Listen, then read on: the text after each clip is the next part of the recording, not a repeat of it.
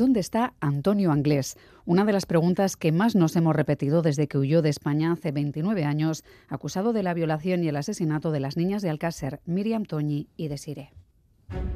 Desiree Hernández y Miriam García, ambas de 14 años, y Antonia Gómez, de 15, fueron vistas por última vez en la localidad de Picaset. Los cadáveres de tres jóvenes han sido hallados hace unas horas en las cercanías de Valencia. Huyó tras cambiar de imagen en una peluquería, fue visto en Cuenca, se cree que pasó a Portugal y que embarcó con destino a Irlanda, y ahí se pierde su pista, hasta que las mareas nos la han devuelto muchos años después, porque los resultados de una nueva prueba de ADN pueden dar un giro radical a la investigación. Soy Miriam Duque, la encargada de abriros esta Gambara Negra, un podcast de crónica negra en el que hacemos que ciencia, especialistas y pruebas hablen más que nosotros para recomponer la actualidad y tratar de entender la mente de quienes se escoran al lado oscuro.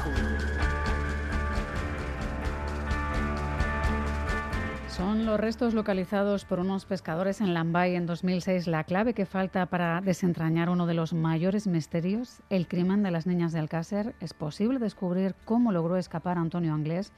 Pues seguir la pista a todo aquel que dijo haberle visto tras su vida en el 93, acusado de las muertes de Miriam serie, ha sido el trabajo de dos periodistas, Llenar Martí y Jorge Saucedo. Esa larga investigación tiene ahora forma de libro, El Fugitivo. El Fugitivo. Llenar, ¿qué tal? ¿Cómo estás? Muy bien, gracias por, por invitarnos al programa. También está por ahí Jorge. ¿Qué tal? Encantado de estar con vosotros. Pues lo mismo digo, Jorge, ¿habéis calculado cuántos kilómetros habéis realizado siguiendo la pista de Antonio en estos años? Pues la verdad es que unos cuantos, ¿eh? horas y horas y horas de, eh, de coche, bueno, de avión también, eh, muchas experiencias, muchas aventuras y bueno, eh, tratando de documentar pues a través de, pues quizá casi más de, más de medio centenar de, de testimonios eh, los pasos de Antonio Anglés. En, en este eh, año 93, eh, bueno, se produce un, una huida que es entre el año, entre 27 de enero exactamente del 93 al 24 de marzo. Y es lo que plasmamos en este, en este libro, en el, uh -huh. en, el en el fugitivo, en el fugitivo. ¿En qué momento de vuestra vida llega a vuestras manos el caso Alcácer, Llenar? Bueno, en mi caso, mm, la verdad es que cuando yo empezaba mi trayectoria, mi trayectoria profesional es cuando ocurrió el caso de las niñas de Alcácer, la desaparición, después la, aparición de los cadáveres y la, y la, y la fuga de, Antonio Anglés. En aquel año en 93, pues prácticamente yo llevaba dos años trabajando como, como periodista. Entonces es un caso, la verdad es que de alguna manera marca mi trayectoria de, desde principio hasta, hasta estos momentos. Uh -huh. Y es una investigación, pero también es un libro con tintes de novela negra, que no es que esté escrito en primera persona, sino que estáis presentes desde la primera página, Jorge.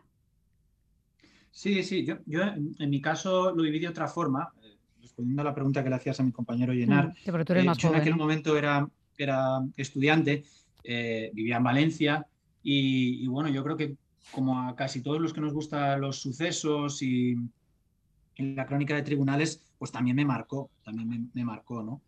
Eh, y bueno, con el paso de los años, pues coincidimos en, en Madrid trabajando y, fue casi de una forma natural que, es, que este tema pues saliera, saliera en, nuestras conversaciones y, y, decidiéramos pues emprender esta aventura que, que al final pues eh, ha terminado siendo un, un libro con tintes de novela negra, como uh -huh. dices muy bien. Bueno, conviene recordar eh, cómo conectan el nombre de Antonio Anglés con la investigación. Hay una zona próxima a la fosa donde se encuentran, se localizan los cuerpos de las chicas y los investigadores topan un volante médico a nombre de Enrique Anglés, el hermano del sospechoso, lo que conduce a los agentes hasta la vivienda en Catarroja, pero consigue saltar por la ventana de una de las habitaciones y huir atravesando los tejados. El 28 de enero del 93, la Guardia Civil detiene a Ricard, que apodaban el, Rubio, confiesa haber participado en el crimen. Enrique Anglés también es arrestado, aunque luego queda en, li en libertad. No sé si es evidente que Antonio Anglés era el líder que sometía a todos los demás, Jorge. Pues por los testimonios que hemos recabado nosotros, eh, imponía, su ley con, con, con puño de hierro, por decirlo mm. de alguna forma, ¿no? Eh, siempre se ha dicho sobre la figura de Antonio Anglés que, que, era una persona que no era capaz de cometer un crimen tan cruel, de ser tan agresivo. Eh, y, y, nosotros, por la experiencia que tenemos y por toda la gente con la que hemos hablado, decimos todo lo contrario, ¿no? eh, la vida de Antonio Anglés está, está marcada por, por la violencia hacia todo el mundo que, le rodea, ¿no? principalmente hacia las mujeres. ¿eh? Eh, tiene un odio. Misógeno, ¿no? Sí, sí, sí, un odio muy específico hacia las mujeres. hemos podido tener conversaciones muy largas incluso con, con, su, con su, hermana y te cuenta cosas terroríficas. Bueno, y hay un episodio que lo puede relatar también mi compañero, mm, que, es, que es como la, la, semilla de lo que haría años después, ¿no? Y, ese es Antonio Anglés, ¿no? Una, persona marcada por, por, por una vida eh, violenta, mm, con, una escalada, o sea, podemos decir que empieza de menos a más, ¿no? Primero se, integra en una banda juvenil en la que pues roba radiocassettes, hace pequeños tirones, luego mm, empieza a subir en esta escalada que digo de, violencia, de delincuencia, eh, a integrar una, meterse en una banda de atracadores de bancos. Eh, en este caso no la, lideraba él, era liderada por el Calígula. Perdón, me equivoco. La, banda juvenil eh, la lideraba el Calígula. Cuando entra a formar parte de este grupo de atracadores de bancos, ya él impone su ley y es él el que lidera la, banda. Y, luego el, menudeo de drogas, el menudeo de drogas. Eh, digamos que Antonio Inglés es el como, eh, y, la forma de operar y de trabajar de Antonio Inglés es como lo que se hace actualmente en los narcopisos. ¿no? Mm, él, tenía un narcopiso en su pueblo, en Catarroja, y desde ahí distribuía droga a, toda la gente, de los toxicómanos de aquella época, de, la comarca, de los pueblos de, de alrededor. ¿no? Eh, y bueno, quizás es muy interesante mm, por aquello de, que, de, recalcar esta figura violenta, agresiva, especialmente agresiva hacia, los hacia las mujeres, que pueda contar mi compañero, em, pues este, este episodio que tuvo con, la que era su novia, o bueno, su pareja en aquel momento, ¿no? Su pareja en aquel momento, ¿no? Era novia barra machaca, ¿no? Porque era una, una chica de, de un pueblo de próximo a, a Catarroja y era una chica que, él utilizaba de, machaca, o sea, para, vender eh, heroína entre los toxicómanos de, de, la zona y es una chica que en un momento dado eh, la droga que le da para que, para, que la venda a unas personas, eh, ella se la queda para, su consumo propio y Anglés eh, la lleva a su casa de, Colón y vamos, a la casa, en la casa donde vive con su madre, con, su, con sus hermanos, incluso Miguel Ricard vive en ese momento también en la casa y como castigo por, por haber de alguna manera consumido ella la droga que para, para otras personas, la tortura, la encadena, le azuza un, Doberman, eh, la tiene, eh, la somete a unas palizas brutales, incluso eh, le provoca las heridas de sangre y en ese momento es cuando le azuza al Doberman para que no sé, este, se muestre muy agresivo hacia ella. Y bueno, afortunadamente no se sabe muy bien quién es la persona que da la voz de alarma, em, porque por una parte unos dicen que es un miembro de uno de sus hermanos, otros que es, eh, bueno, otro, otro de los toxicómanos que sabía que Nuria Pera estaba allí, que, que allí se llamaba la chica. El caso es que la, Guardia Civil la... Consigue localizarla. Pero bueno, está muy mal eh, en ese momento el futuro de esa chica, que posteriormente, por el paso de los años, eh, ha muerto por, por, el consumo, por, el consumo de, drogas, ¿no? Pero en ese momento la sometió durante unos días a una serie de torturas eh, muy fuertes. ¿no? Entiendo por lo que estáis contando, Jorge, que, era un hombre que tenía contactos, que tenía poder, en su casa se comportaba como si fuera el dueño haciendo cualquier tipo de, locura estando allí su familia, también en las bandas. ¿Creéis eh, que alguien le ayudó a escapar, que le ayudó al menos a llegar hasta Cuenca o a Madrid? Bueno, a ver, hay una serie de, de episodios en esta fuga que, que, la verdad es que es muy, muy de película y, que tiene pues eh, algunos momentos que, siguen siendo un misterio, los que tuvo que tener probablemente ayuda de alguien. Pero nosotros somos de, la opinión de que eh, la ayuda que pudo tener pues probablemente fue, si me permite la expresión, pues de algún ratero o algún kinky de, hmm. la época, ¿no? que le pudo trasladar pues con, con, algún vehículo o algo así. En cuanto a que tiene poder, eh, tiene un poder como, en su entorno, traficante, como traficante en la zona y, sobre todo sobre su entorno, ¿no? tanto el familiar como el de la delincuencia, pero la delincuencia próxima. tampoco estamos hablando del, Chapo Guzmán o, hmm. algo así, ¿no? Pero desde luego, mm, para protagonizar esta, esta fuga, eh, que mucha gente dice, no pudo hacerlo. Desde luego él tenía aptitudes, instinto y formación para poder escapar. O sea, no hace falta ser un gran narcotraficante ni tener unos grandes contactos en el AMPA para, para poder fugarse de, esta forma. ¿no? Una persona con muy poco apego a la vida. ¿no? Hmm. Antes de que le coja la Guardia Civil, es capaz de saltar desde un segundo piso, desde un tercer piso y, lo, que sea, ¿no? Por, no, por no ser eh, detenido y, volver a la cárcel, que, por los testimonios que hemos recabado eh, era lo peor para él, no, no quería volver a la cárcel por, por de ninguna forma, de ninguna forma.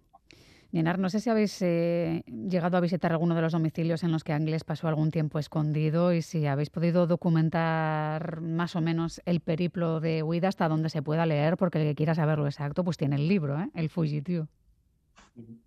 Bueno, la verdad es que eh, en el libro eh, está documentado. Nosotros, eh, la verdad es que hemos visitado todos los escenarios y domicilios en los que, en los que se ha escondido Antonio Inglés o en los que ha podido recibir ayuda, porque uno de los que se especula siempre que por donde ha pasado y no se ha podido demostrar es Madrid, por ejemplo, en esa huida, en esa huida ¿no? desde Valencia a Cuenca, de Cuenca hasta Lisboa, ahí hay un, un, periplo que no se sabe qué es lo que pasa desde, desde Cuenca hasta Lisboa y siempre se ha especulado con que estuvo en Madrid. El libro aporta el testimonio de una persona que no había hablado hasta ahora, em, que cuando va al teatro Em, una persona se introduce en su coche. Bueno, él estaba esperando a unos amigos que habían subido a un despacho de abogados en la plaza de Tirso de Molina, en pleno centro de Madrid, en la Latina. Sube un, un joven en el coche, le encañona con una pistola y bueno, tampoco voy a dar más detalles porque para eso está el mm, libro, pero eh, todo apunta a que ese chico que sube en ese, en ese coche es eh, Antonio Anglés. ¿no? Es, es, uno de los escenarios que lo nombro sobre todo porque no se había comentado eh, nunca y no se sabía. ¿no? A partir de ahí, pues bueno, está documentado toda la huida de, principio a, fin, ¿no? Desde Valencia, Cuenca, eh, Lisboa y bueno, hasta, hasta Dublín, ¿no? O sea, que está documentado hasta, todas esas entrevistas que nosotros hemos conseguido hacer a, pues sobre todo al capitán del barco. Entiendo que cuando se pide ayuda para localizar a, un delincuente, por ejemplo, a una persona desaparecida, pero también a un delincuente que además era guapo, carismático, su foto aparecía en los informativos de la época, entiendo que llegarían muchas llamadas situándole en diferentes lugares, ¿no? Como pista, a veces real o a veces falsa. No sé si realmente se dijo que lo habían visto en Miami.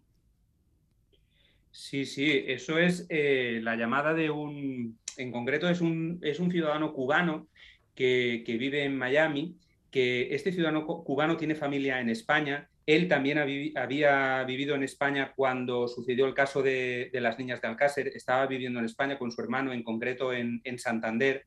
Son personas a las que eh, Fernando García, el padre de, Miriam, una de las niñas, eh, les, les, tocó de alguna manera eh, porque lo veían en televisión constantemente, pidiendo mm. ayuda y, queriendo saber qué, qué había pasado. Em, entonces, este señor, en un momento dado, años después, en Miami, que es donde pues, residía en ese momento, eh, él cree o dice ver en un centro comercial, en los alrededores de un centro comercial donde se reúne eh, gente, por decir, pues no demasiado recomendable, por decirlo de alguna manera, hmm. él cree reconocer eh, a Antonio Anglés. En, ese momento no dice nada, pero en un viaje, cuando vuelve a España, él dice que no puede guardarse eso dentro de sí y, ante la Guardia Civil de un pueblo de Santander, él eh, acude voluntariamente y lo, lo explica. La, Guardia Civil se toma eh, con mucho interés eh, su testimonio, pero la verdad es que, y esto lo contamos en el libro, que también creo que es una de las cosas importantes que aporta el libro, la Guardia Civil se pone en contacto con el FBI, el FBI hizo la comprobación, hizo fotos a esa persona que este señor señaló como Antonio Anglés y la verdad, cuando ves las fotos, una de estas fotos está publicada en el libro, eh, se ve claramente que esa persona no era Antonio Anglés. Los rasgos, la verdad es que no tenían nada que ver con Antonio Anglés. Pues como esta, eh, ha habido muchas pistas falsas, eh, pues podemos decir por todo, el, por todo el planeta, por todo el mundo, incluso en Japón, que es una de, las últimas y que también se cuenta en el libro.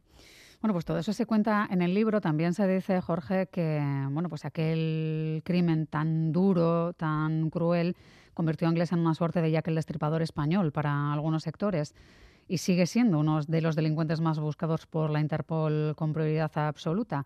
Entiendo que, bueno, pues si se sabe algo más de, esos huesos o de ese resto de ADN, dejará de haber una búsqueda abierta. Bueno, ahora, nosotros, me, imagino que, te refieres al, cráneo encontrado en la isla de Lambay, sí. Eh, la costa norte de, Dublín.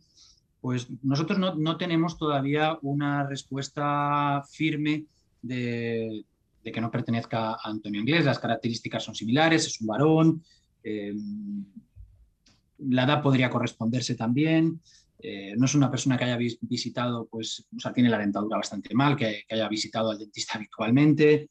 Eh, podría ser, ¿no? Mm, nosotros tenemos pocas esperanzas en que pueda ser el cráneo de Antonio Inglés, pero bueno, está ahí y esperamos una, contestación en, firme por parte de la Garda, de la, de la, policía irlandesa, que es la que está practicando mm. pues, estas pruebas de ADN y cotejándolo con, con el ADN de, Antonio Anglés. Que es verdad, no sé llenar si a ti también te pasa, se está haciendo largo, ¿no? Parecía que iban a ser unas pocas semanas y está costando un poco porque además cuando vimos ese retrato eh, parecía que podía ser perfectamente una aproximación a cómo sería hoy Antonio Anglés, ¿no? Por sus rasgos. Sí, la verdad es que eso es lo que nos sorprendió a nosotros también. Cuando vimos el, el, retrato de alguna manera con, e, esa cara, eh, la verdad es que era inevitable pensar en, el, en Antonio Anglés. ¿no? Mm. Cuando ponías una la foto de Antonio Anglés y ponías la foto de, esa reconstrucción facial de la calavera que había hecho una especialista de, de la Universidad de Liverpool, era inevitable no, pensar ¿no? Que, que, podía ser Antonio Anglés. Pero sí que es verdad que, como dice Jorge, en cierto modo Jorge y yo lo hemos hablado esto mucho y, él y yo siempre hemos sido como bastante pesimistas en el sentido de que no pensamos nunca que, sea em, Antonio Anglés. La verdad es que el ADN lo tiene que confirmar, lo tiene que, decir, ¿no? Pero, pero bueno, mm, creo que no, que no tardará mucho, que sí que creo que ahora es cuestión de, a lo mejor de esta misma semana, cuando se sepa el resultado eh, definitivo.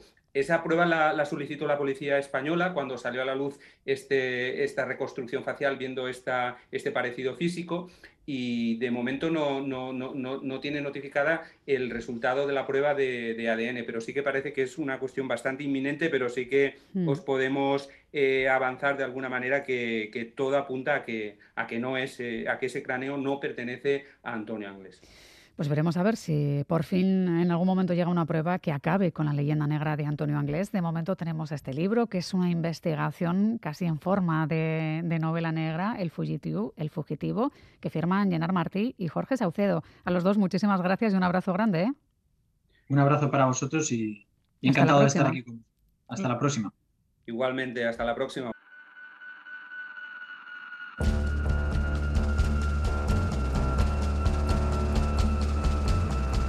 Gambara Negra, el podcast de crónica negra e investigación de EITB Podcast.